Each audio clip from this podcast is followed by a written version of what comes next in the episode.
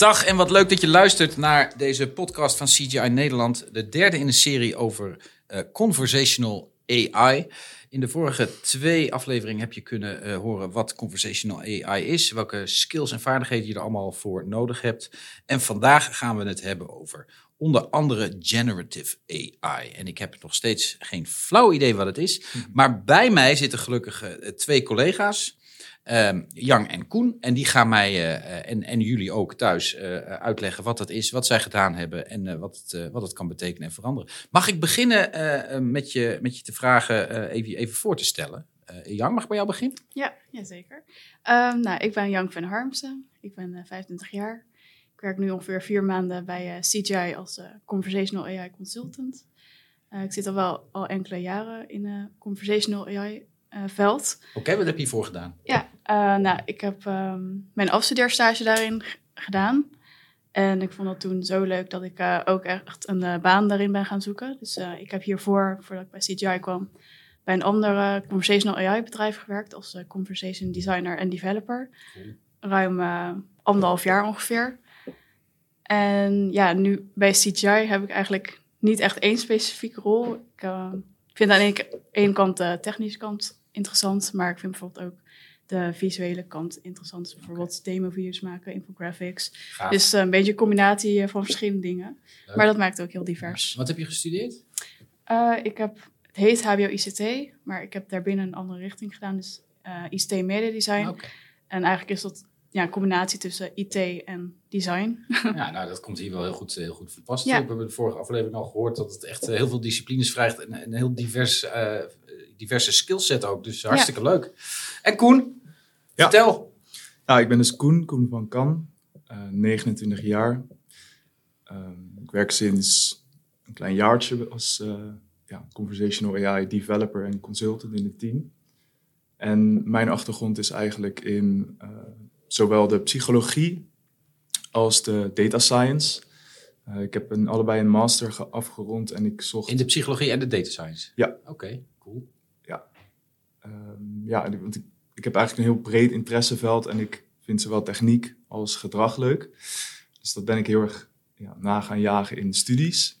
En daarna was de, de taak eigenlijk, oké, okay, wat voor werk gaan we doen waarin ja. we dat kunnen combineren. Ja. En zo ben ik um, ja, eigenlijk met conversational AI in aanraking gekomen. En, uh, nu zit ik hier. Nou, gaaf joh, hartstikke leuk. Hey, jullie, uh, jullie, werken voor, jullie hebben werk gedaan voor een van onze klanten, Konica Minolta. Bekend denk ik wel van uh, allerhande uh, hardware onder andere die zij, die zij maken. Hè? Dus Veel ja, printers. Printers, ja. Ja, ja, ja, heel gaaf. Wat hebben jullie daar gedaan? Ja, um, nou we hebben een hackathon daar georganiseerd. Want ja, de laatste maanden, weken uh, zijn heel veel ontwikkelingen geweest rondom ja, conversational AI, generative AI, grote taalmodellen, ook wel large language models genoemd. En ja, wellicht de meest herkenbare ontwikkeling uh, is ChatGPT. Ja. ja, die kennen we allemaal inmiddels. Ja, precies. En um, ja, voor de mensen die deze podcast luisteren, um, large language models, uh, dus ook al taalmodellen, zijn eigenlijk hele grote. Ga maar door. Het zijn hele grote um, machine learning modellen die uh, getraind zijn op heel veel data om menselijke taal te begrijpen en ook weer te genereren. Ja.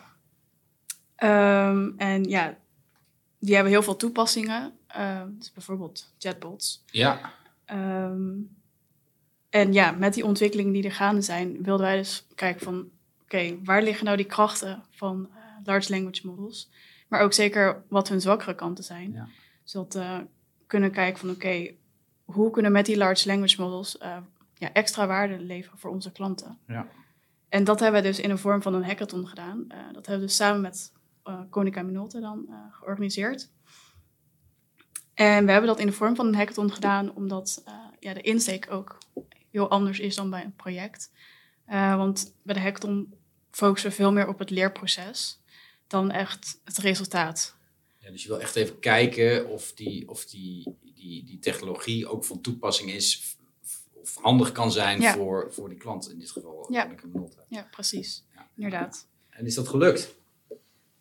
Ja, ja we hebben um, eigenlijk vanuit de technologie, zoals Jan al zegt, gekeken van wat kan wel en wat kan niet. Dus in die zin is er heel veel wel gelukt en heel veel niet gelukt. Ehm, waar we specifiek naar hebben gekeken is misschien goed om eerst even uh, uit te lichten is... Ehm, kun je een groot taalmodel, kun je daar vragen over stellen? Um, over, die gaan over je eigen data. Want je weet, als je bijvoorbeeld naar ChatGPT kijkt, om dat even als voorbeeld te houden, dan kun je die dingen vragen over waar hij op getraind is. Ja, maar het lijkt op alles. Vrij breed, ja, maar als je hem vraagt wie is de koningin, uh, wie is de koning van Engeland bijvoorbeeld, dan geeft hij aan, ja, naar mijn weten is, de, is er een koningin van Engeland. Hij is getraind tot september 2021. Oh, wat gaaf. Oh, ja. Dus in die zin kan je daarmee uitlichten dat ja, hij is getraind op heel veel data, maar wel beperkt. Want ja. data die daar buiten valt, daar kun je hem niks over vragen. Dus wat wij gingen kijken in de hackathon is eigenlijk, ja, wat natuurlijk waardevol zou zijn, kun je als bedrijf jouw eigen data daarin voeden of het daarmee aan koppelen en daar vragen over stellen. Ja. Dat zou natuurlijk super, uh, ja, super waardevol zijn als je de kracht van een taalmodel kan koppelen met je eigen ja, data. En in dit geval hebben we daar dus een kennisbank voor gebruikt. Kunnen we kennisbank en een groot taalmodel combineren om dus eigenlijk te kijken van um, ja, die, die lange zoektocht die je soms hebt op kennisbanken, als je bijvoorbeeld naar het intranet gaat, Ja. dat kennen mensen vaak wel, dan ja, heb je een zoekbalk en ja, Ja. ga, ga maar typen en dan En dan krijg je search results. of, of, of internetpagina's waar je dan je informatie op kunt halen. Precies, dus dan ben je best wel lang nog, best wel veel ja, handelingen moet je verrichten met ook enige kennis van dat intranet Ja. om je antwoord te krijgen. En wat je eigenlijk wilt is dat je gewoon een chatbot hebt of eh, ja, een zoekbalk die Ja. jou in één keer, Mijn laptop is stuk, waar kan ik heen? Ja. Zoiets, ja. Of- ja, ja. ja, gewoon in één keer het antwoord geeft wat je zoekt. Ja. In plaats van dat je ehm, ja, dus dat hele intranet of die hele kennisbank door moet gaan spitten. Maar dat is vast, was Koning een groot bedrijf, het zal een enorme kennisbank zijn geweest. Ja, Dat, zal niet, eh, dat is niet in jullie hackathon in één keer gelukt, neem ik Nee. aan. Nee, nee dat, ja, dat is dus ook heel ingewikkeld. Ehm, ehm, ja, het, stukje van wat voor, wat voor data gebruik je is, is, is heel lastig. Ja. ja. Maar is het wel gelukt om die kennisbank te koppelen aan dat, dat, Ja. dat, dat, dat, nee, grote taalmodel? Ja, ja, uiteindelijk hebben we dus een, een soort FAQ-chatbot gemaakt. En ehm, die, kun je de, die kon je dus dingen vragen over hun frequently asked questions. Ja, dus je hebt een beperkte dataset vanuit die kennisbank genomen en Ja. die heb je erin gezet. Ja, en daar kon je dus wel eh, heel goed vragen over stellen. En dan kon de chatbot in de kennisbank opzoeken van weet ik dit of weet ik dit niet. En die kon dus aangeven van nou sorry, dit staat niet in de kennisbank als je iets vraagt wat er, wat er echt buiten valt. Ja. Wat natuurlijk super goed is, eh, als hij aan kan geven, dit weet ik niet. Maar hij kon ook heel goed aangeven van ja, eh, je moet eh, deze stappen volgen of je moet hier en hier naar kijken. Ja. Ja, ja. Ja. En ik neem aan dat het, het moet ook wel toegevoegde waarde hebben. Hè? Dus het moet voor, voor de klant uiteindelijk niet meer tijd of moeite gaan kosten dan daarvoor. Ja. Is dat ook, heb je dat ook bekeken? Ehm, sorry, wat vroeg je precies? Nou ja, dat je, dat je, kijk, er zijn ook oplossingen waar voor de klant uiteindelijk meer werk achterweg komt. En dan Ja. heeft, het, heeft het natuurlijk niet heel veel, heel veel zin. Dus je wil wel gewoon dat het, Ja. dat het goed is. Ja, dat is een van onze grootste learnings is geweest. Dat je een, een, ehm, een context moet kiezen die wel past bij, ehm, ja, bij deze architectuur van eh, software, om het maar zo te zeggen. Dus je wilt inderdaad wel een scenario hebben waar je de kennis of de kennisbank al hebt. En dat je die kan koppelen met het taalmodel. Ja. Uh, maar je moet er wel bewust van zijn dat dit niet uh, ook nog die hele kennisbank gaat maken. Nee. Dus um, als je een kennisbank of een FAQ-pagina uh, of iets van kennis hebt wat heel erg onvolledig is, ja, dan, zullen de, uh, dan zal dat hiermee niet opgelost worden. Nee. Zeg maar. Dan zal het alleen maar meer werk opleveren dan, uh, Ja. Ja, dan je van tevoren. En, de, en deze kennisbank die zou dan bedoeld zijn voor klanten van Konica Minolta die daar dan gewoon hun vragen af kunnen halen? Of was het een interne, interne tool? Um, nou, je zou het dus bijvoorbeeld toe kunnen passen op hun intranet. Dus dan Ja. kunnen medewerkers er uh, vragen over stellen. Maar wat wij hebben gedaan is echt een FAQ-page voor Ja, over de printers zelf. Dus dat zou dan voor account managers zijn die eh, een printer hebben gehuurd namens hun bedrijf. En misschien eh, loopt het papier wel vast. Ja. Of, eh, ja, en als je dan Konica Minolta Minolta opbelt voor een vraag, dan uh, dat kan. Maar je kunt ook dan eventueel de chatbot checken. Ja, En die geeft jou wat direct doen. Ja, ja. Ja. Gaaf. Hey, ehm, eh, een van de dingen waar we het nog niet over hebben gehad in deze podcastserie is, eh, is de, de privacy en de, en de ehm, security van de data. Want er wordt veel gegevens worden uitgewisseld. Ja. Ehm, het is, is tricky. Hebben jullie daarna gekeken in, die, in Ja, deze hackathon zeker. ook? Want ik kan me voorstellen dat dat voor zo'n groot bedrijf ook wel een issue is. Ja, ja het is, dat is, omdat het zo nieuw is, is het ook echt ja, heel belangrijk om dat in kaart te brengen. En eh, ja, je stuurt eigenlijk wel ehm,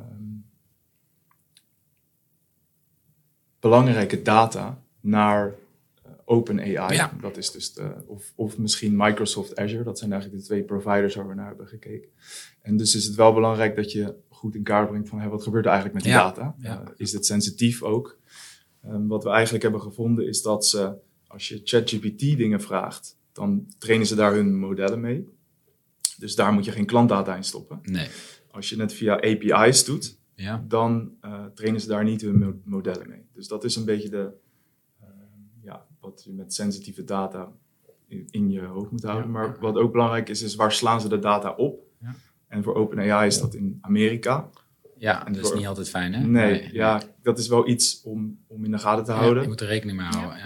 Ja. En voor eh, Microsoft Azure is het op de locatie waar jij je ehm, Azure subscription hebt, zeg maar. Dus dan kan je de- je data storage in Europa houden. Wat wel een overweging is om te maken. Ja. Cool, cool. Hey, en eh Jan, mag ik jou vragen, zeg, wat, wat, ehm, wat, wat kon dat ding uiteindelijk? En hoe heb je hem genoemd? Dat is ook een belangrijke vraag natuurlijk. We, Nee, hebben hem, ja, we hebben hem Konica Minolta Mind genoemd. Ja. Oh, dat is misschien wel leuk om te Oké, noemen. Oké, oké. Maar wat, eh, wat was het resultaat? Eh, werkte die? Kreeg je Ja. aan de praat? Ja? Ja, ja, Letterlijk? ja, werkt heel goed. eh. en een van die voordelen daarvan is, waar we net ook al over hadden, is dat je dus ja, heel snel een resultaat terugkrijgt. Dus ja, als je bijvoorbeeld inderdaad op zo'n internetpagina gaat zoeken, nu- dan ja, ben je waarschijnlijk minutenlang aan het zoeken met uiteindelijk geen resultaat. Ja. En met zo'n chatbot die wij dus hebben gebouwd, ja, krijg je echt in een fractie van een seconde een antwoord. Ehm, dus dat is ja, super waardevol. Ehm, we hebben ook eh, gemerkt dat hij de taalbarrière weghaalt. Omdat hij in alle talen kan. eh, Ja, eh, oh, dat is Dus- wel handig, ja. inderdaad. ehm, je kan zeg maar ja, een vraag stellen in, in het Duits, terwijl bijvoorbeeld de data erachter in het Engels zit. Ah, kijk. Maar ook andersom. Je vraagt iets in het Engels en je kan een antwoord in het ja, Chinees eh, of zo laten genereren. Gaaf. Dus ja, het kan echt alle kanten op. Dus dat, En dat is met name voor zo'n wereldwijd opererend bedrijf Ja. is dat natuurlijk hartstikke handig. Ja, Ja, ja, ja, ik snap het. Supersterk. Oké, oké. Hey, en ehm, eh, gepersonaliseerd eh, eh, antwoorden? Want ik kan me ook voorstellen dat op een gegeven moment als een accountmanager steeds dezelfde vraag stelt, dat hij dat die, dat die automatisch hetzelfde antwoord krijgt ook. Maar dat, Ja. dat hoeft niet per se, neem ik aan. Nee, nee, zeker niet. Ehm, zeg maar in de input die je meegeeft, of instructies eigenlijk die je aan dat taalmodel geeft, wo- wordt ook wel prompt genoemd. Daar kan je dus ja, instructies geven van oké, zo moet je antwoorden. Dus je zou er bijvoorbeeld iets van een user persona kunnen toevoegen. Dus een user persona is eigenlijk een fictief karakter die de ja, eigenschappen en behoeften van de eindgebruiker representeert. En ja, die persona zou je dus in die prompt kunnen toevoegen en zeggen: Oké, dit is de doelgroep en dit is hoe de doelgroep communiceert. Ja, jij moet ook op deze manier communiceren. Mhm. Ja, ja, ja. Dus dat kan je, ja, per doelgroep kan je dat afwisselen. Dus dan ja, antwoordt hij niet steeds hetzelfde. Gaaf. Was de klant net zo enthousiast als jullie over deze, de, de- deze exercitie? Ja, we hebben Ja. uit- uit- uiteindelijk na twee weken hebben we ons eindresultaat gepresenteerd. Ja. En ehm, hem eh, en hun wat ja, potentiële toepassingen voorgelegd. Cool. Maar eh, daar bleven we zo lang op hangen, omdat hij ook nog allemaal eh, dingen zag waarop het toepassen. Oh, dat we op een gegeven moment zeiden, laten we hier apart nog een keer over afspreken. Oh, heel goed. Ja. Heel goed. Dat was, eh, Heel cool. was een hele leuke, heel leuk gesprek. Ja. Ging helemaal, hij was helemaal enthousiast. Ja. En jullie ook. Je hebt wel pret oogjes tijdens. Ja. Dat Ja. kun je niet zien natuurlijk als je naar de podcast luistert. Maar er zitten hier twee buitengewoon tevreden mensen tegenover me. Die echt iets leuks hebben gedaan volgens mij. Mhm. Ja, Hartstikke gaaf. tof. Ehm, ja, jullie zitten in dat team van, eh, van, eh, van Conversational AI binnen CGI. Hartstikke leuk, eh, jong, divers team ook volgens mij. Ja. Ja, toch? Zoeken nog mensen?